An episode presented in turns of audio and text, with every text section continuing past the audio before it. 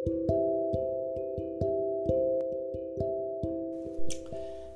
selamat jumpa kembali. Selamat datang dan kamu semoga baik-baik aja ya di sana dan kalau nggak baik-baik aja nggak apa-apa kok tetap kuat dan semangat. Yang lagi puasa semoga tangguh, yang nggak puasa semoga eh tidak tidak usah pedulikan yang puasa makan aja. Kami nggak terganggu kok. Kalau ada yang terganggu pasti dia masih menurut Gus Dur. Langsung aja masih di nuansa bulan Ramadan di mana saya berpuasa dari orang kafir. Saya berpuasa nggak jadi kafir ya untuk sementara waktu. Aku memilih buku metodologi studi Al-Quran ya kali ini. Ini buku yang aku temukan di Gramedia lima tahun lalu kalau nggak salah lima enam tujuh tahun lalu deh enam tahun lalu deh gitu. Ditulis oleh Abdul Moksid Ghazali Lutfi Asyaukani dan Ulil Absyar Abdallah.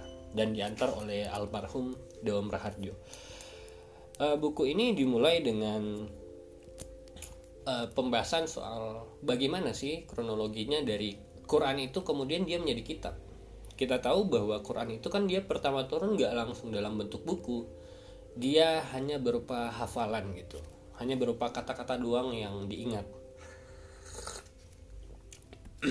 Jadi Quran itu adalah, tapi di sisi lainnya Quran itu banyak kata Alkitab di dalam Quran. Jadi seolah-olah Quran walaupun awalnya turun dalam bentuk hafalan tapi dia seolah-olah disiapkan untuk menjadi kitab untuk menjadi buku gitu dan di masyarakat oral terutama masyarakat agama-agama juga sudah mengenal sistem tulis eh, sistem tulis itu kan sudah dari lama ya dari zaman Sumeria 3000 tahun sebelum Masehi ada zaman Mesir hieroglif itu kan dia salah satu tulisan paling purba dia. Terus bahkan mesin cetak sudah ada. Jauh sebelum Gutenberg mesin cetak itu pertama kali dalam walaupun dalam bentuk yang tradisional itu diproduksi di Cina. Kalau nggak salah tahun 105 masehi gitu dan e, masyarakat Kristen sudah mengenal istilah buku kitab suci sebagai buku. Jadi Bible itu kan artinya buku ya Bible atau Biblia itu buku. Dan proses pembukuan Bible itu terjadi 150 tahun setelah Yesus meninggal.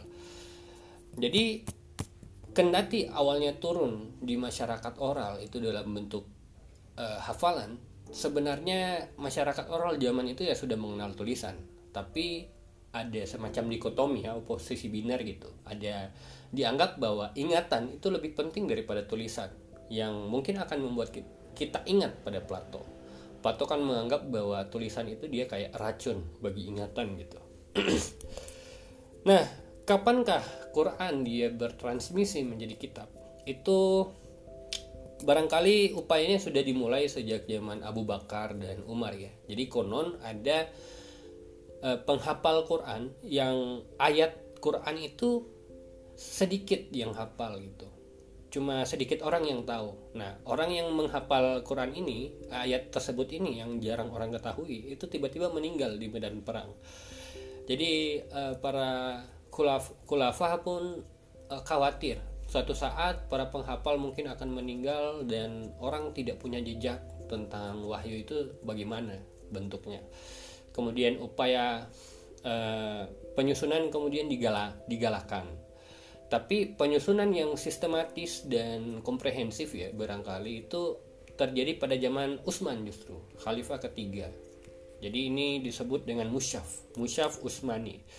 Uh, Al-Quran kita yang diawali dengan Al-Fatihah itu adalah produk dari hasil musyaf Utsmani. Meskipun begitu pada saat itu ya bukan hanya ada Al-Quran dalam versi musyaf Utsmani ada musyaf-musyaf lain ada musyaf Al-Quran yang sistematikanya itu berdasarkan kronologi turunnya wahyu. Jadi kalau Usmani itu diawali oleh Al-Fatihah, kalau yang kronologis ini diawali oleh Iqra. Karena itu kan ayat pertama ya. Jadi diawali oleh Iqra. Tapi uh, ini menunjukkan bahwa apa ya? Uh, Quran itu mengandung dimensi pluralitas gitu. Dalam soal pluralitas musyaf. Dan menurutku ya kita tidak punya hak untuk merendahkan jenis mana yang lebih baik daripada yang lain gitu. Sebagaimana yang termaktub ya dalam Al-Hujurat ayat 11 jadi gua saya itu setelah membaca Cak Nur ya dok, kontekstualisasi doktrin Islam saya mendapat uh, ayat yang cukup menarik buat argumen toleransi yaitu Al-Hujurat ayat 11 gitu.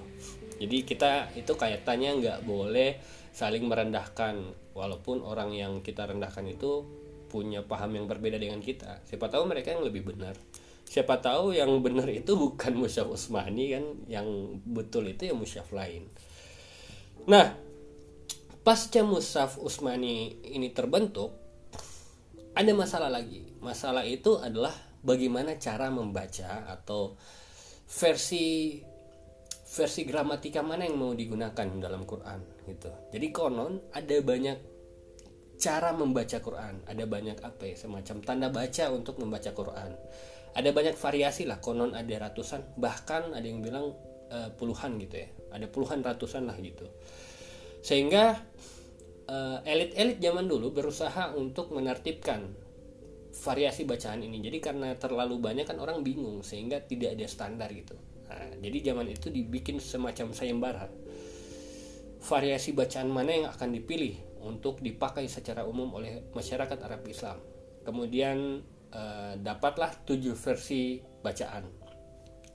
Sampai kemudian pada tahun 1924 di Mesir, versi bacaan itu kemudian lebih dikerucutkan menjadi satu yaitu versi asim. Jadi hari ini yang kita pegang Al-Qur'an yang kita pegang tanda baca dan gramatikanya itu berasal dari uh, hasilnya asim gitu ya. Jadi ini eh, gramatika asim lah gitu, boleh kita sebut. Nah, jadi itu itu adalah proses bagaimana Quran itu menjadi kitab dan kitab suci sebagaimana yang hari ini kita lihat di toko-toko atau misalnya di kamar kita. Gagasan lain dari buku ini itu juga adalah soal bagaimana sampai Quran menjadi kitab dan kitab yang lebih suci gitu, yang sangat suci, yang seolah mengandung berbagai macam mitos gitu ya. Sampai terlalu banyak mitos terhadap Al-Quran beberapa orang tampak seperti sedang menyembah kitab suci gitu, bukan sedang menyembah Tuhan. Atau bahasanya itu biblio biblioatri gitu ya. Itu bahasa bahasa kaum Kristen yang melihat ada kecenderungan orang lebih menyembah kitab suci dibandingkan Tuhan itu sendiri jadi ada tabu-tabu juga ada mitos di dalam Quran itu beberapa di antaranya adalah uh, dulu itu Quran itu dilarang diterjemahkan. Para ulama sepakat bahwa Quran itu jangan diterjemahkan ke bahasa lain, dia harus dari bahasa Arab aja itu. Semacam apa ya? Uh, ada ada gengsi nasionalisme Arabisme begitu. Tapi semakin dunia maju, terutama ketika Orientalisme itu semakin penasaran dengan dunia Arab Islam, um, larangan ini mulai tidak diacuhkan. Yang pertama kali menerjemahkan Quran itu ke bahasa selain Arab itu justru memang bukan dari Arab sendiri tapi dari luar uh, Arab. Yang menarik menurutku adalah um, penerjemahan Quran secara puitis oleh Habib Yasin. itu aku mencari-cari bukunya saking penasaran.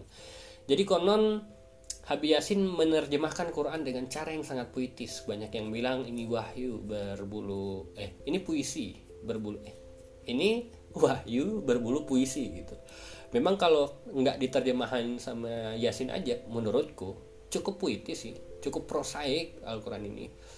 Uh, ya indah lah gitu. Tapi apalagi kalau diterjemahin sama sastrawan gitu. Ada beberapa kata yang Eh, menurutku akan sangat menarik gitu dan aku sangat penasaran dengan terjemahan Habib Yasin ini. Uh, juga selain itu ya tabu atau mitos lain itu orang kalau pegang Al-Quran katanya harus wudhu nah argumennya itu sering didasarkan pada Al-Waqiah ayat 79 ini saya parafrasekan ya saya kurang lebih begini uh, janganlah kamu menyentuh kitab kitab itu kalau kamu tidak suci. Intinya begitu deh. Dan yang dimaksud dengan suci di sini sering ditafsirkan para ulama sebagai orang yang berwudu. Karena konon berwudu itu kan menyucikan. Jadi orang yang hanya orang yang berwudu yang boleh megang Al-Quran. Tapi tafsir ini dibantah oleh Al-Razi. Dia filsuf yang uh, yang apa ya filsuf yang mengutamakan takwil ya daripada pembacaan yang harfiah. Menurut Al-Razi teks tersebut gak boleh dilepaskan dari konteks. Jadi yang dimaksud itu sesuai konteksnya orang-orang suci itu adalah para malaikat. Karena ayat tersebut itu sedang membicarakan tentang Quran yang dia dipelihara di langit atau di surga atau di lau al-mahfuz gitu. Jadi oknum yang kan di situ pastilah merujuk pada malaikat. Yang suci itu adalah malaikat gitu maksudnya Nah, terus ada juga mitos lain. Jadi kalau ngambil Al-Quran itu nggak boleh pakai tangan kiri gitu. Jadi kamu kalau agak sosialis kamu atau agak marxis itu nggak boleh eh, pegang Quran gitu. Dan memang ya eh, karena sekali lagi aku lagi puasa jadi orang kafir dan kebetulan banyak membaca Al-Quran ya beberapa malam di bulan Ramadan ini. Aku melihat banyak sekali sih kayak ada distingsi penggunaan kata kanan dan kiri itu cukup cukup banyak di Quran. Misalnya ada ayat tentang orang-orang baik kitab akan diberikan kitab amalannya, catatan amal akan diberikan pada tangan kanannya gitu. Dan orang-orang yang merugi adalah orang-orang kiri gitu. Jadi kayak ada apa ya? permainan kata gitu, permainan metafora tentang kanan dan kiri ini seolah yang kanan bagus, yang kiri itu jelek gitu. Dan mungkin ini mempengaruhi orang kalau ngambil Al-Quran nggak boleh pakai tangan kiri gitu. Um, iya begitu ya. Tapi ya menurutku slow aja sih itu kan cuman mitos aja. Uh, aku bahkan ya baca Quran itu kadang sambil merokok gitu. Dan menurutku enjoy aja maksudnya kalau aku ya. Uh, intinya kan adalah proses menghikmati ya menghikmati Quran itu sendiri terus kalau baca Quran mitos lain itu nggak boleh mulut kita kotor. Kalau orang Arab zaman dulu itu harus pakai siwak dulu. Nah kalau kita mungkin harus gosok gigi dulu gitu. Nah ini menurutku uh, tabu yang maksudnya apa ya? Ya ya gimana dong kalau orang lagi puasa gitu kan? Yang mulutnya lagi bau-bau kesturi gitu yang cukup menyengat berarti nggak boleh baca Quran gitu. Jadi uh, ya nggak apa-apa sih menurutku gitu. Intinya kan uh, yang suci itu menurutku atau menurut banyak orang lah ya itu adalah uh, apa sih kasih kita gitu. Ada hati kita hati nurani kita. Nah mitos-mitos ini sih menurutku dia hanya konstruksi umat saja ya. Dia nggak mutlak dia relatif. Sekali lagi kan manusia itu relatif ya. Nilai kebenaran dari penafsirannya gitu relatif. Oke itu tabu-tabu soal Quran jadi nggak ada Al-Quran berkata, Duhai umat manusia, janganlah kamu mentranslate Quran itu ke bahasa lain. Atau duhai umat manusia wudhu dulu dong kalau misalnya baca Quran. Atau duhai umat manusia yang Marxis dan komunis nggak boleh pegang Quran. Jadi tidak ada. Yang lain juga dari buku ini yang menurutku sangat menarik sekali adalah pembahasan soal metode tafsir ini dimulai dengan anggapan bahwa Quran itu tidak bisa dilepaskan dari konteks historis dan sosiologis di mana ia turun. Jadi ada empat argumen soal ini yang harus diperhatikan setiap kali kita mau menafsirkan Quran. Pertama adalah fakta bahwa Quran memilih bahasa Arab sebagai hmm, acuan komunikasi dengan masyarakat Arab zaman itu. Karena memang diturunkan di Arab. kita pernah bahas ya di soal Cak Nur dan kontekstualisasi doktrin. Eh bayangin kenapa surga dan neraka itu di digambarkan dideskripsikan seolah-olah eh, sangat tropis dan sangat teduh gitu. Seolah-olah ada sungai yang mengalir ada banyak pepohonan yang kalau kita ambil buah di situ itu akan refill lagi akan isi ulang dengan cepat gitu. Dan ada bidadari tinggal pilih gitu. Karena eh, kalau kita lihat wilayah geografisnya masyarakat Arab saat itu kan Arab bahkan sampai hari ini itu cukup tandus ya. Kering kerontang panas. Hanya ada dua musim musim panas atau musim panas banget. Dan e, masyarakat Arab kemudian menganggap bahwa sesuatu yang tidak seperti maksudnya eh, iklim yang paling baik itu justru adalah iklim yang cukup teduh ya yang sejuk. Makanya surga dideskripsikan dengan cara yang sangat sejuk gitu dan neraka dideskripsikan dengan api yang sangat panas. Kita di Arab aja ya gue nggak pernah eh, saya nggak pernah ke Arab ya tapi Arab itu kayaknya panas sih. Beberapa tahun lalu itu ada musim yang cukup ekstrim di Arab. Suhunya itu bisa mencapai 50 derajat celcius. Kalau dikali dua itu kita udah bisa masak uh, cacing pita sampai mati ya um, itu menurutku panas sekali. Sehingga gambaran deskripsi soal api itu bisa lebih menstimulus imajinasi masyarakat Arab tentang kesengsaraan yang sesungguhnya itu bagaimana. Maksudnya di hidup aja udah hidup panas-panasan apalagi kan neraka. Jadi ada konteksnya. Makanya uh, Quran itu diturunkan dengan bahasa Arab dan juga dengan beradaptasi dengan cara berpikir masyarakat Arab. Karena nggak mungkin kalau misalnya itu diturunkan di Eskimo deskripsi surganya itu seperti eh, sesuatu yang teduh dan juga ada sungai dan juga sangat sangat sangat sejuk gitu. Karena orang Eskimo di kutub utara akan mikir ngapain ada ada sungai di surga? Nanti kan beku juga kayak di kutub utara ini gitu. Dan jangan-jangan deskripsi surga yang digambarkan dalam Al-Quran itu bisa dianggap sebagai neraka gitu oleh kaum Eskimo. Dan neraka yang penuh api dianggap sebagai surga bagi suku Eskimo karena hangat gitu. Lumayan kata suku Eskimo liburan nih gitu. Uh, artinya selalu ada konteks konteks sosiologis ya. Ada konteks geografis di mana Quran itu diturunkan. Dan buktinya adalah dengan penggunaan bahasa Arab argumen lain dalam soal uh, dimensi histori sosiologis ini adalah Muhammad itu adalah penulis apa ya semacam editor gitu untuk Quran. Jadi ada gagasan tanzih. Tanzih itu adalah tentang bagaimana cara Quran atau wahyu itu itu turun ke manusia. Jadi ada beberapa cara, ada tiga. Yang pertama itu lewat uh, Nabi Muhammad itu meeting sama malaikat Jibril. Kedua itu lewat mimpi gitu. Jadi semacam ada mimpi. Nah Nabi Muhammad mimpinya wahyu. Kalau kita mungkin pas mimpi itu eh, nyari togel gitu kan.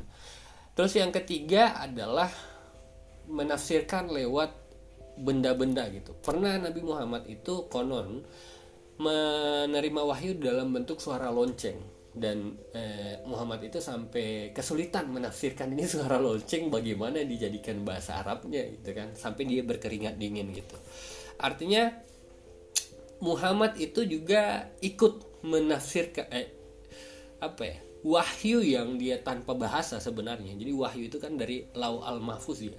Sesuatu yang melampaui bahasa yang beyond bahasa gitu.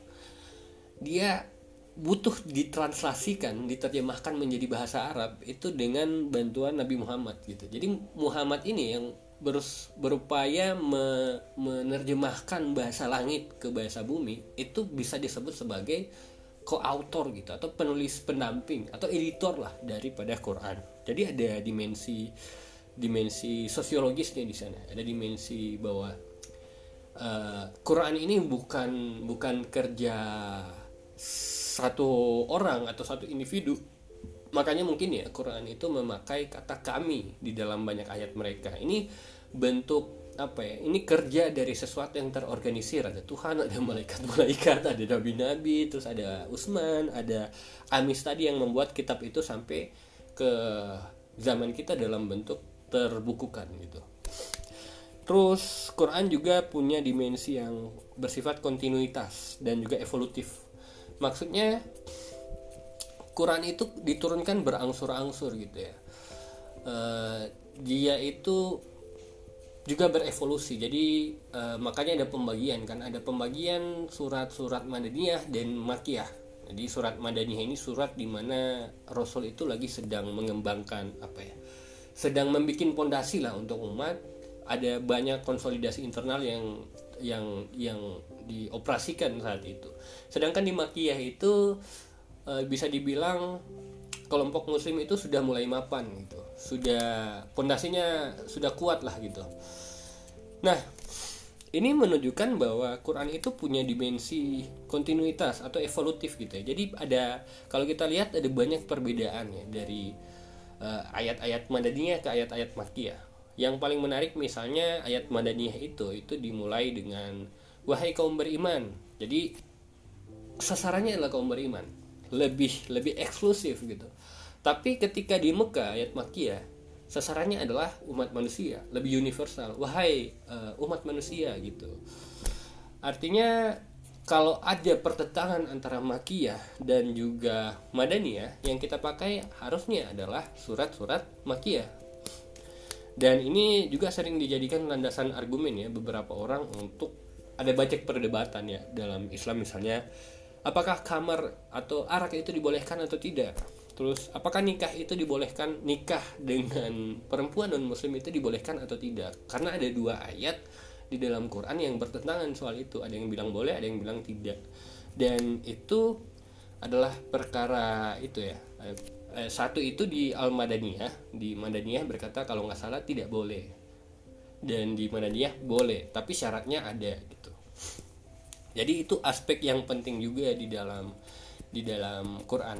Jadi ada dimensi historisnya.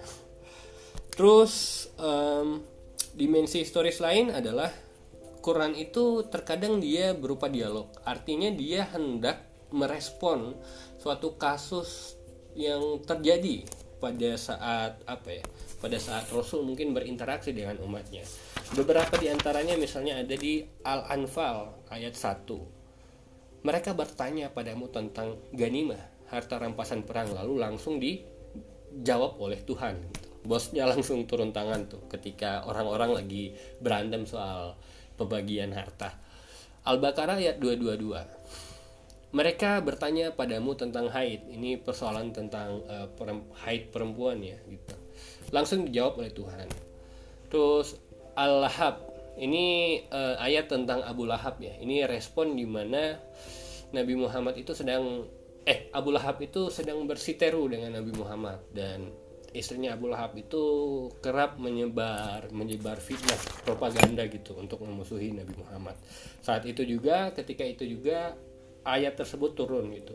Beberapa ayat dalam Al-Qur'an itu adalah semacam tanggapan langsung gitu. Semacam kalau kita main One to be Millionaire ini apa ya? Yang langsung telepon orang gitu. Ini uh, ya gitulah ya. Intinya ya Quran itu punya dimensi temporernya sendiri ada dimensi lokus dan tempusnya gitu ada dimensi waktu dan ruangnya ada dimensi historis dan sosiologis melakukan penafsiran terhadap Quran itu nggak boleh sebatas teks doang sebagaimana yang sebelumnya kita tahu pernah dikritik oleh Adonis dan juga tidak disepakati oleh Cak Nur membaca Quran itu adalah membaca teks plus konteks gitu. Nah, itu maksud daripada metode tafsir yang mengakui dimensi historis dan sosiologis ini. Gitu. Ada juga beberapa hal lainnya yang menurutku menarik. Misalnya usul dan fusul gitu. Nah, usul ini kita tahu adalah inti dari ajaran gitu dan fusul ini adalah semacam kulit gitu. Yang disebut usul itu adalah keadilan pasti ya. Kemaslahatan umat dan juga kebaikan kebenaran gitu.